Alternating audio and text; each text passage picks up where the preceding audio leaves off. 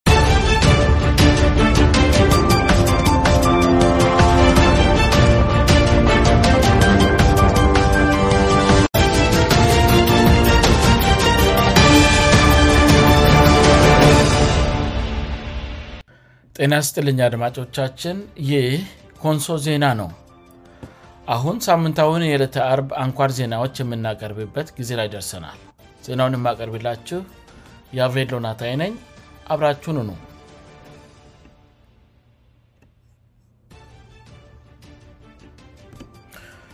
ሳምንታውን የዕለተ አርብ ምሌ 7 ቀን 215 አም አንኳር ዜናዎችን ከማሰማተ በፊት ሬስ ዜናዎቹን በቅድሚያ አሰማለሁ በአባላት ድጋፍ የተጀመረው የድንገተኛ ህክምና ማዕከል ግንባታ እንዲፋጠን አባላት እንድረባረቡ የኮንሶ ልማት ማህበር ጥሪ አቀረበ የአካባቢ ምርጫን በቀጣዩ ዓመት ለማካሄድ በጀትን ጨምሮ ሌሎች አስፈላጊ ነገሮች መመቻቸት እንዳለባቸው ምርጫ ቦርድ ገለጸ ኢትዮጵያና ግብፅ በህዳሴ ግድቡ ዙሪያ በአራት ወራት ውስጥ ወደ ስምምነት እንደሚመጡ ተስማሙ ዛንዚባር ፀጉራቸውን ሹሩባ በሚሰሩ ወንዶች ላይ እገዳጣለች አሁን ዜናውን በዝርዝር አሰማለሁ በአባላት ድጋፍ የተጀመረው የድንገተኛ ህክምና ማእከል ግንባታ እንዲፋጠን አባላት እንድረባረቡ የኮንሶ ልማት ማህበር ጥሪ አቀረበ በኮንሶ ልማት ማህበር ለካራት የመጀመሪያ ደረጃ ሆስፒታል እየተገነባ ያለው የድንገተኛ ህክምና ማእከል ግንባታ እንዲፋጠን የልማት ማህበሩ አባላት ድጋፋቸውን እንዲቀጥሉ የኮንሶ ልማት ማህበር ዋና ስራ አስኪያጅ አቶ ሽብር ውሲካ ከኮንሶ ዜና ሚዲያ ጋር ባደረጉት ቆይታ ጥሪ አቀረቡ የካራት የመጀመያ ደረጃ ሆስፒታል አሁን ካለበት ደረጃ ያሻሽለዋል ተብሎ የሚጠበቀውና በ484 ካሬ ሜትር ላይ በመገንባት ላይ የሚገኘው የድንገተኛ ህክምና ማይከል ግንባታ በተፋጠነ ሁኔታ እየተከናወነ እንደሚገኝና የልማት ማኅበሩ አባላት የአባልነት መዋጫቸውን በአግባቡ ና በወቅቱ ማስገባት ከቻሉ ከአራት እስከ 6 ወር ባለው ጊዜ ውስጥ ግንባታው ሊጠናቀቅ እንደሚችልም ስራ አስኪያጁ ተናግረዋል ለካራት የመጀመሪያ ደረጃ ሆስፒታል እየተገነባ ያለው ባለ16 ክፍል የድንገተኛ ህክምና ማዕከል ህንፃ ሙሉ በሙሉ በኮንሶ ልማት ማህበር አባላት መዋጮና የውስጥ ገቤ ብቻ እንደሚገነባ የመሰረቱ ግንባታ በተጀመረበት ወቅት ኮንሶ ዜና ሜዲያም መዘገቡ አይዘነጋም ይህ ግንባታ የልማት ማኅበሩ አምራር በሰነቀ ውራይ መሠረት የልማት ማህበሩን አባላት አሻራ በተጨባጭ ሥራ ለማሳየት ታልመው ወደ ተግባር የተገባ የልማት ማህበሩ ብቸኛ ፕሮጀክት ነው በአባላት መዋጮ ብቻ እየተገነባ የሚገኘው ይህው ፕሮጀክት አሁን ባለው የግንባታ እቃዎች ዋጋ ሙሉ በሙሉ ለመፈጸም እስከ 6 ሚሊን ብር ገደማ ይፈጃል ተብሎም ይጠበቃል በአሁኑ ጊዜ የኮንሶ ተወላጅ የሆኑ የልማት ማህበሩ አባላት የተለያዩ የማህበረሰብ አካላትን ያካትተ ሲሆን ከነዚህም መካከል ምሁራንና ነጋዴዎች ቀዳሚዎቹ ናቸው ልማት ማህበሩ የተለያዩ ድርጅቶችንና ተቋማትንም የልማት ማህበሩ አባላት እንዲሆኑ እንቅስቃሴ ላያለ ሲሆን አርሶ አደሮችም የዚህ የአካባቢ በቀል ተጽኖ ፈጣሪ የልማት ማህበር አባላት የሚሆኑበት ስርዓት እየተዘጋጀ መሆኑን ዋና ስራ አስኪያጁ ለኮንሶ ዜና ገልጸዋል በመጨረሻም አባል ያልሆኑ ሁሉም ከኮንሶ አብራክ የወጡና ሌሎችም የኮንሶን ህዝብ የሚወዱ ምሁራን የልማት ማህበሩ አባል በመሆን የአሻራው አካል እንዲሆኑ አባላት የሆኑትም ተነቃቅተው የሚጠበቅባቸውን መዋጮ በመፈፀም ይህን ወሳኝ የጤና ተቋም እንዲገነቡ ስራአስኪያጁ ጥሪያቸውን አስተላልፈዋል ለህዝባችን በራሳችን አቅም የሚታይን ማሳወሻ በመገንባት በማህበረሰባችን ልማት የራሳችንን አሻረና ኑር የኮንሶ ዜና ሚዲያም መልእክት ነው ይህ ኮንሶ ዜና ነው የአካባቢ ምርጫን በቀጣዩ ዓመት ለማካሄድ በጀትን ጨምሮ ሌሎች አስፈላጊ ነገሮች መመቻቸት እንዳለባቸው ምርጫ ቦርድ ገለጸ ለመጨረሻ ጊዜ በ205 የተካሄደውን የአካባቢ ምርጫ ገንዘብን ጨምሮ አስፈላጊ ነገሮች ከተመቻቹ በሚቀጥለው አመት ለማካሄድ መታቀዱን የኢትዮጵያ ብሔራዊ ምርጫ ቦርድ ምክትል ሰብሳቢ አቶ ውብሸት አየለ ተናገሩ የተቃዋሚ የፖለቲካ ፓርቲ ተወካዮች በበኩላቸው በአካባቢ ምርጫ አሸንፈው የታችኛው መዋቅር ምክር ቤቶች መያዝ እንደሚፈልጉ ገልጸዋል የአካባቢ ምርጫ በፈደራል መንግሥት የ2016 በጀት ዝርዝር ውስጥ ባይካተትም ማክሰኞ ም 4 ቀን 2015 ዓ ም በምርጫ ቦርድ አዘጋጅነት በተካሄደው ውይይት ላይ ግን አንድ የመወያየ አጀንዳ ሆኖ ተነስቷል ምርጫ ቦርድ በተያዘው 2015 ዓም የአካባቢ ምርጫ ለማካሄድ አቅዶ 6 ቢሊዮን ብር ገደማ በጀት ጠይቆ የነበረ ቢሆንም በበጀት ዓመቱ በተወካዮች ምክር ቤት የተመደበለት በጀት 212 ሚሊን ብር ብቻ ነበር የፌደራል መንግስት ባለፈው ሳምንት በተወካዮች ምክር ቤት በጸደቀለት የ216 በጀት ዝርዝር ላይ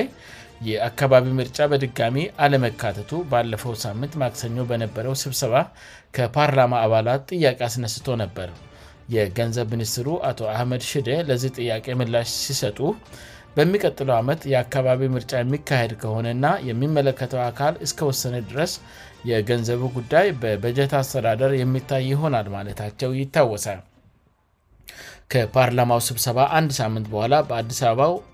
ኢንተርltar ሆቴል በተካሄደ የምርጫ ቦርድ እና የፓርቲዎች ውይይት ላይ የአካባቢ ምርጫ የተመለከቱ አስተያየቶችና ጥያቄዎች በተቃሚ የፖለቲካ ፓርቲ አመራሮች በኩል ቀርበዋል የአርጎባ ብሔረሰብ ዲሞክራሲያዊ ንቅናቄ ሊቀመንበር የሆኑት አቶ ሀሰን መህመድ የአካባቢ ምርጫ በጣም ልታሰብበት የሚገባ ነው ስሉ አስተያየታቸውን ሰጥተዋል የቦሮ ዲሞክራሲያዊ ፓርቲ ስራአስፈፃሚ ኮሚቴ አባል ና የኢትዮጵያ ፖለቲካ ፓርቲዎች የጋራ ምክርቤት ሰብሳቢ የሆኑት ዶተር መብራቱ አለሙ የአካባቢ ምርጫ በቀጣዩ 2016 ዓም እንዲካሄድ እንደሚፈልጉ አጽኖት ሰጥተው ተናግረዋል ዶተር መብራቱ እኛ በጣም እንፈልገዋለን ቢያንስ የታችኛውን ምክር ቤት በተፎካካሪ ፓርቲዎች እንድያዝ እንፈልጋለን ስሉ የአካባቢ ምክር ቤት በተቃዋሚ ፓርቲዎች ዘንድ ያለውን አስፈላጊነት አብራርተዋል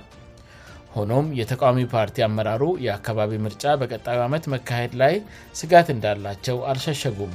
ለዚህ ስጋታቸው በምክንያትነት የሚጠቅሱት ደግሞ ገዚው ብልጽግና ፓርቲ ምርጫውን ለማካሄድ ያለው ቁርጠኝነት ነው አሁን በእውነት 216 ላይ ወደ አካባቢ ምርጫ እንገባለን ወይ ስሉም ጥርጣሪ አዘል ጥያቄያቸውን በስብሰባው ላይ አስደምጠዋል የአዲስ ትውልድ ፓርቲ ፕሬዝደንት የሆኑት አቶ ሰለሞን ታፈሰ በበኩላቸው የአካባቢ ምርጫ ማካሄድ የሚኖረውን ፋይዳ አብራርተዋል ችግሮች ያሉት ታች ነው የሰብው መብት ጥሰት ያለው ታች ነው የፖለቲካ ፓርቲዎች ተከታይ ማግኘት የሚችሉት አባላት ማፍራት የሚችሉበት ታች ነው ስለዚህ በእናንተም በሌላውም በሚመለከተው አካል የአካባቢ ምርጫ እንዲደረግ እንዲበረታቱ ማለት ይፈልጋለሁ ብለዋል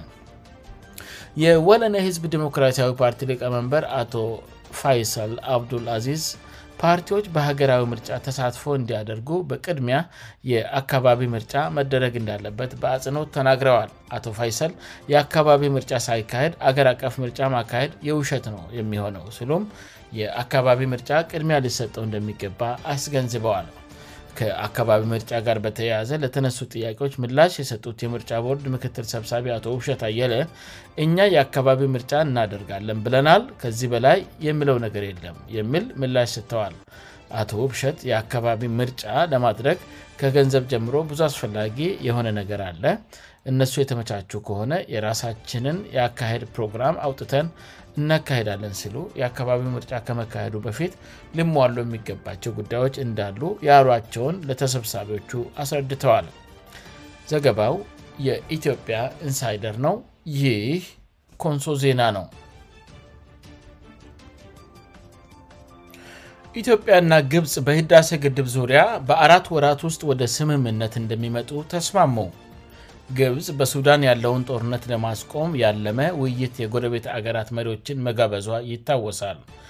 ኢትዮጵያን ጨምሮ የሱዳን ጎረቤት ሀገራት በመድረኩ ላይ ለመሳተፍ ወደ ካይሮ ያመሩ ሲሆን ጠቅላይ ሚኒስትር ዶተር አቢይ አህመድ ከውይይቱ በተጓዳኝ ከፕሬዝደንት አብዱልፈታህ አልሲሲ ጋር መወያየታቸውም ተገልጿል የሁለቱ ሀገራት መሪዎች በህዳሴ ግድቡ ዙሪያ መወያየታቸው ሲገለጽ የግድቡ ውሃ አሞላል ደግሞ የመሪዎቹ ዋነኛ መወያያ እንደሆነም ታውቋል በዚህም መሰረት ኢትዮጵያ በግድቡ ውሃ አሞላል ዙሪያ የግብፅንና የሱዳንን የመጉዳት ፍላጎት የላትም የተባለ ሲሆን በዚሁ ጉዳይ ዙሪያ ተጨማሪ ውይይቶች ለማድረግ ስለመስማማታቸውም ተገልጿል መሪዎቹ ከህዳሴው ግድብ በተጨማሪ ሁለቱ ሀገራት በኢኮኖሚ በማኅበራዊ በፖለቲካዊና በባህላዊ ጉዳዮች ዙሪያ አብረው እንዲሰሩ እንደተስማመም ተገልጿል የግብፅ ፕሬዚደንት አብዱልፈታህ አልሲሲ እንዳሉት ሁለቱ ሀገራት በጋራ ከሰሩ ከህዝቦች በልጽግና ባለፈ በአካባቢው ሀገራት ሰላም እንዲሰፍን እና በሌሎች ጉዳዮች ዙሪያ በጋራ የሚሰሩባቸውና የሚተባበሩባቸው አጀንዳዎች ይሰፋሉ ብለዋል ኢትዮጵያ ግብፅና ሱዳን በህዳሴው ግድብ ውሃ መለል እና ሌሎች ተያያዥ ጉዳዮች ዙሪያ ያለባቸውን አለመግባባት በአራት ወራት ውስጥ በሚያደርጉት ውይይት ወደ ስምምነት ለመምጣት ተስማምተዋል ተብሏል